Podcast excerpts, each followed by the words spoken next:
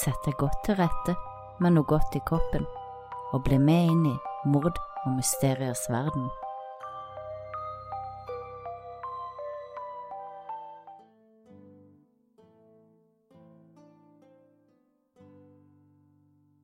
Timothy Evans ble uskyldig dømt til døden og hengt for drapet på sin kone og datter. For å forstå hvordan det kunne skje, er det viktig å forstå hvem Timothy var. Timothy ble født 20. november 1924 i Wales. Hans far Daniel forlot mora allerede før Timothy ble født, og moren oppdro Timothy og hans to søstre Eileen og Mary helt alene. Da Timothy var ni år gammel, så gifta mora seg på nytt. Timothy utvikla seg ikke som andre barn, han var seint ute med å gå, og han sleit med å lære seg å prate. Skolen bydde på store utfordringer for Timothy, og som 13-åring kunne han knapt skrive sitt eget navn. Det var ikke bare den sene utviklinga som var årsaken til det. Som åtteåring ble Timothy syk og gikk glipp av mye av skolegangen. Som voksen trengte han hjelp til å lese dokumenter. Selv klarte han kun å lese små, enkle tekster, som avisutklipp eller tegneserier. Han likte fotball og boksing, og så var han kjent for å dikte opp grandiose historier om seg selv for å øke selvtilliten. Dette var noe han hadde begynt med i tenårene og båret med seg videre i voksenlivet. Dette skulle også senere bli Timothy sin undergrunn.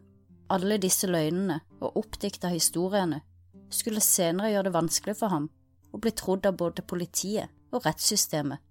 Han eide ingen troverdighet.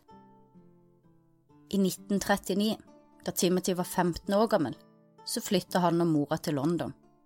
I januar 1947, da Timothy var 23 år gammel, så møtte han den fire år eldre Beryl Susanna.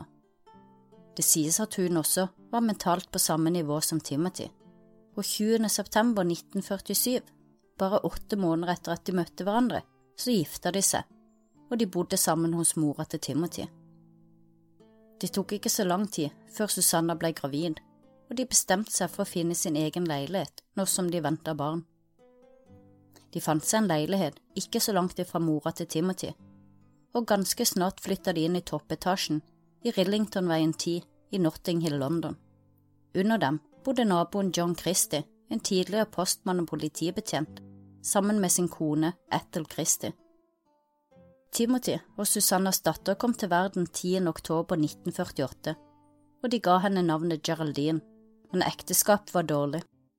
I tillegg til de mentale utfordringene, så drakk Timothy mye, og mesteparten av pengene de hadde, gikk til alkohol. I fylla var Timothy en ufyselig mann, og han kjefta og smalt på kona si Susanna, og tidvis banka han henne opp, noe naboene bevitna flere ganger.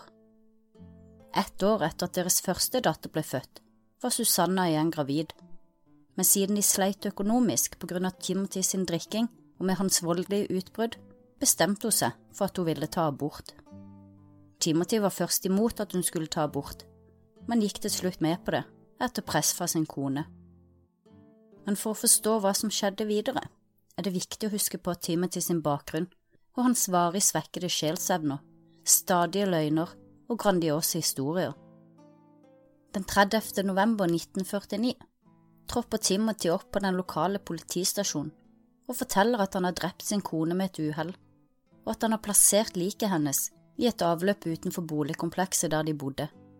Politiet rykka umiddelbart ut og leita gjennom samtlige avløp i gaten utenfor boligkomplekset hvor Timothy bodde, men der fant de ingenting.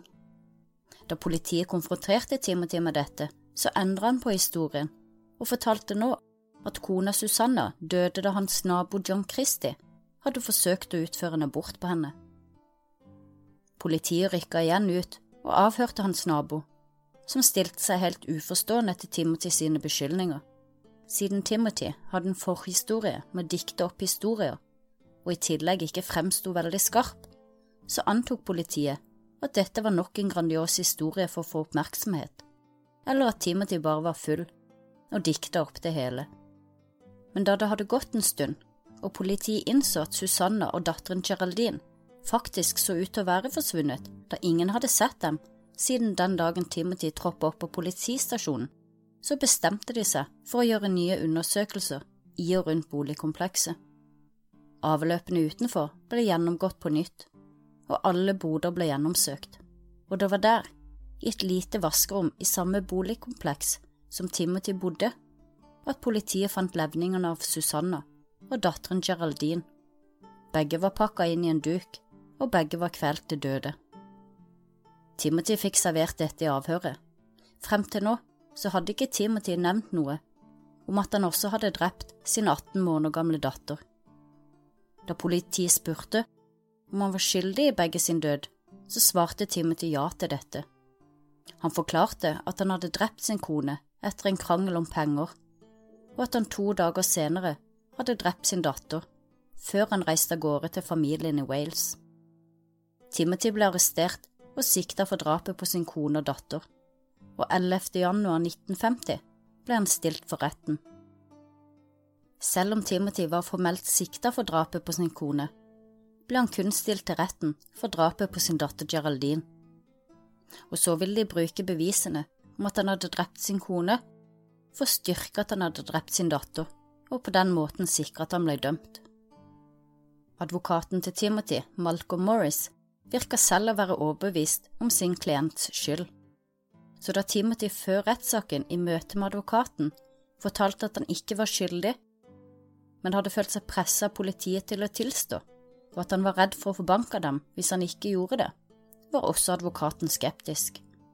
Timothy hevda nå, som han hadde også gjort i sitt andre avhør, før kona og datteren ble funnet drept, at det var hans nabo John Christie som hadde drept dem. Både John Christie og hans kone Ethel vitna i retten, og begge fremsto langt mer troverdige enn Timothy.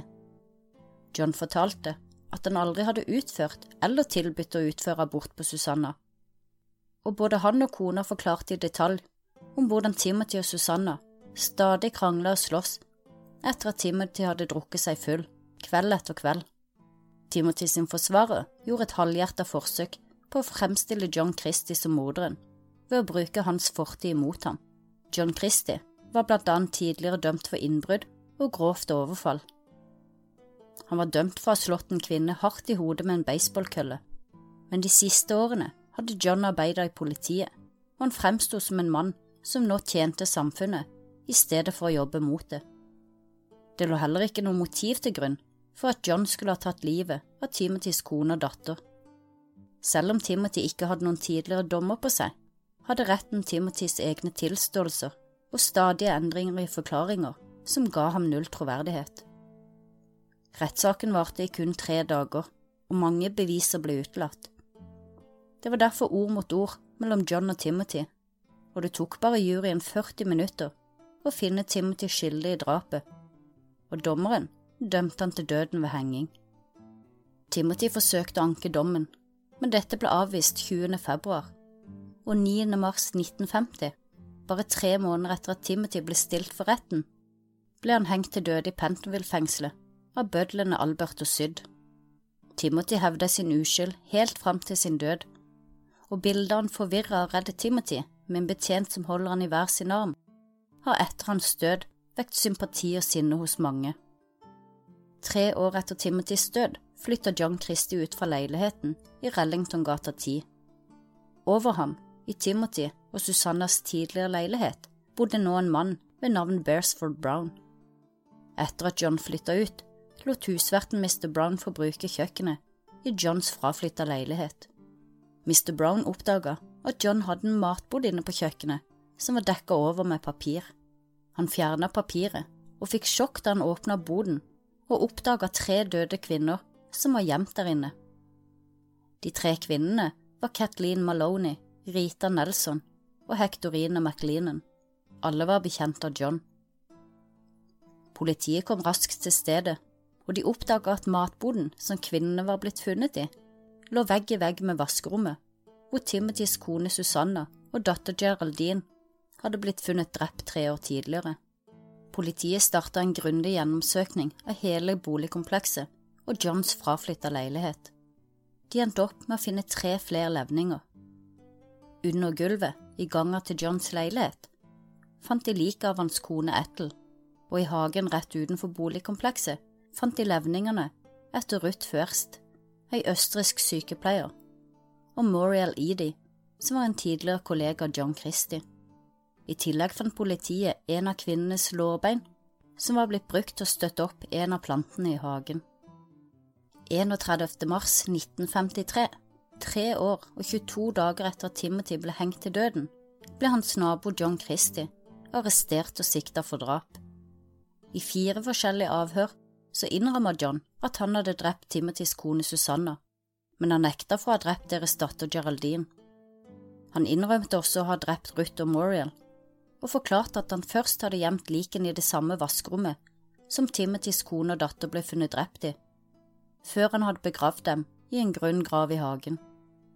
Hvorfor John nekter for noen drap og innrømmer andre, er uvisst, men det levner lite tvil om at han var skyldig i alle drapene. John ble sikta og funnet skyldig i drapet på sin kone Ethel, og ble dømt til døden, og 15. juli 1953 Litt over tre måneder etter arrestasjonen ble også John hengt til døde. Hans bøddel var Albert, samme mannen som hadde hengt Timothy tre år tidligere. I ettertid er det akseptert at Timothy Evans ble hengt til døden for drap han ikke begikk, og at det var John Christie som var morderen, slik som Timothy hadde hevdet fram til sin død. John Christie hadde hevdet at han drepte Susanna da de var intime, men senere så hevda han at han bare hadde hjulpet henne med å ta sitt eget liv. Han nekta hele veien for å ha drept henne etter en feilslått abort, slik Timothy hadde hevda. Mye tyder på at Timothy egentlig ikke visste hva som hadde skjedd, annet enn at konen skulle utføre en abort hos naboen og aldri kom tilbake.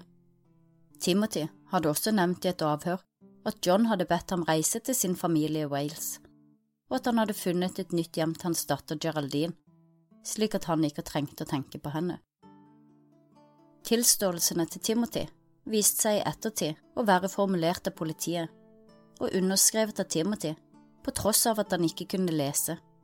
I dag ville aldri en person med Timothys mentale tilstand og kapasitet fått lov til å bli avhørt alene, uten advokat eller verge til stede, og aldri fått lov til å signere en tilståelse han selv ikke klarte å lese.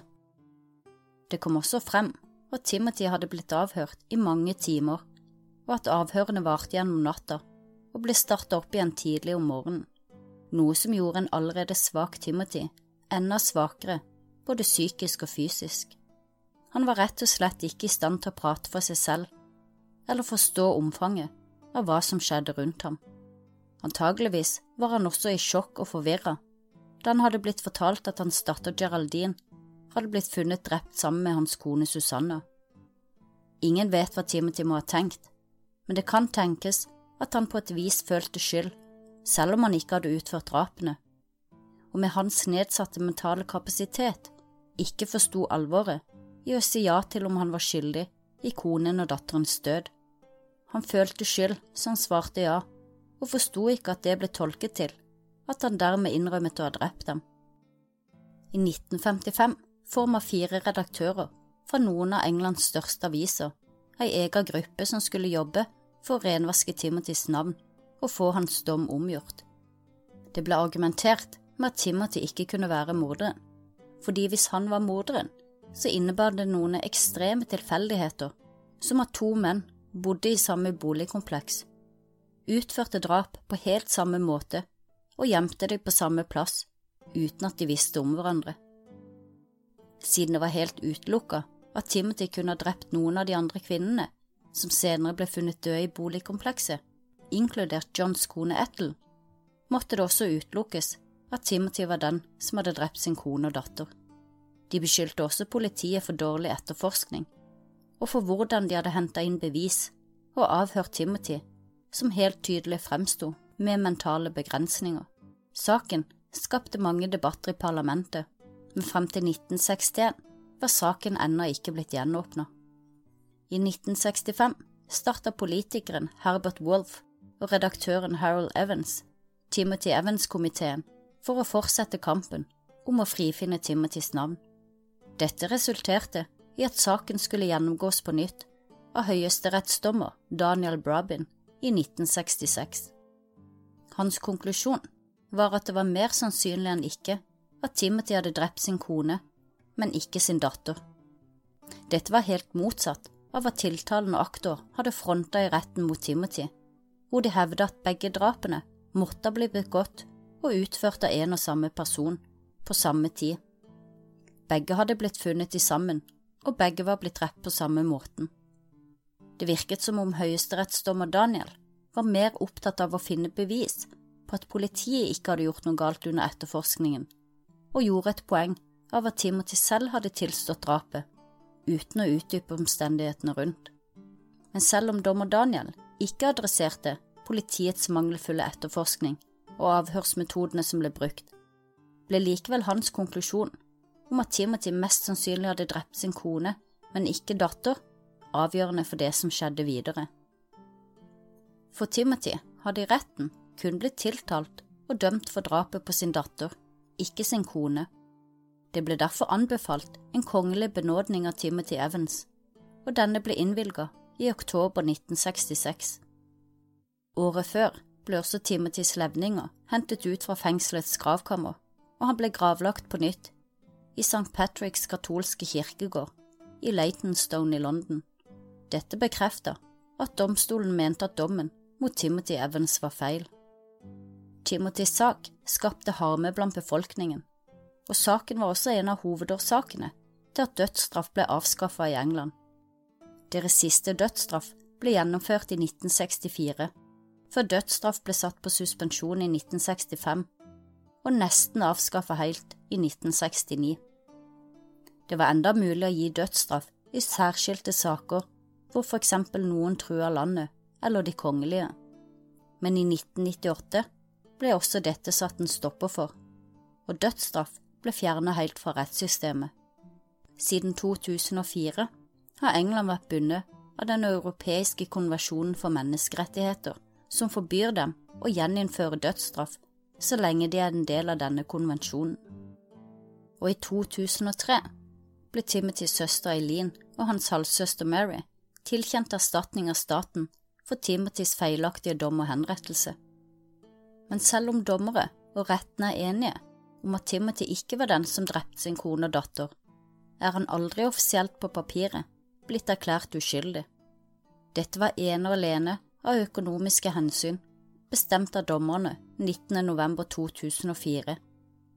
De mente de ikke kunne rettferdiggjøre kostnadene og ressursbruken for å omgjøre dommen, men at de aksepterte at Timothy ikke var den som drepte sin kone og datter, og at han ble feilaktig dømt og hengt til døden. Bildet av Timothy Evans der han føres inn i retten mellom to politibetjenter med sitt redde og forvirra blikk, vil alltid være en påminner for England om at de drepte en uskyldig mann, en mann som mentalt var som et barn, allerede i sorg over sin døde kone og datter, en mann som ingen trodde på, som til slutt måtte bøte med livet for noe han ikke hadde gjort.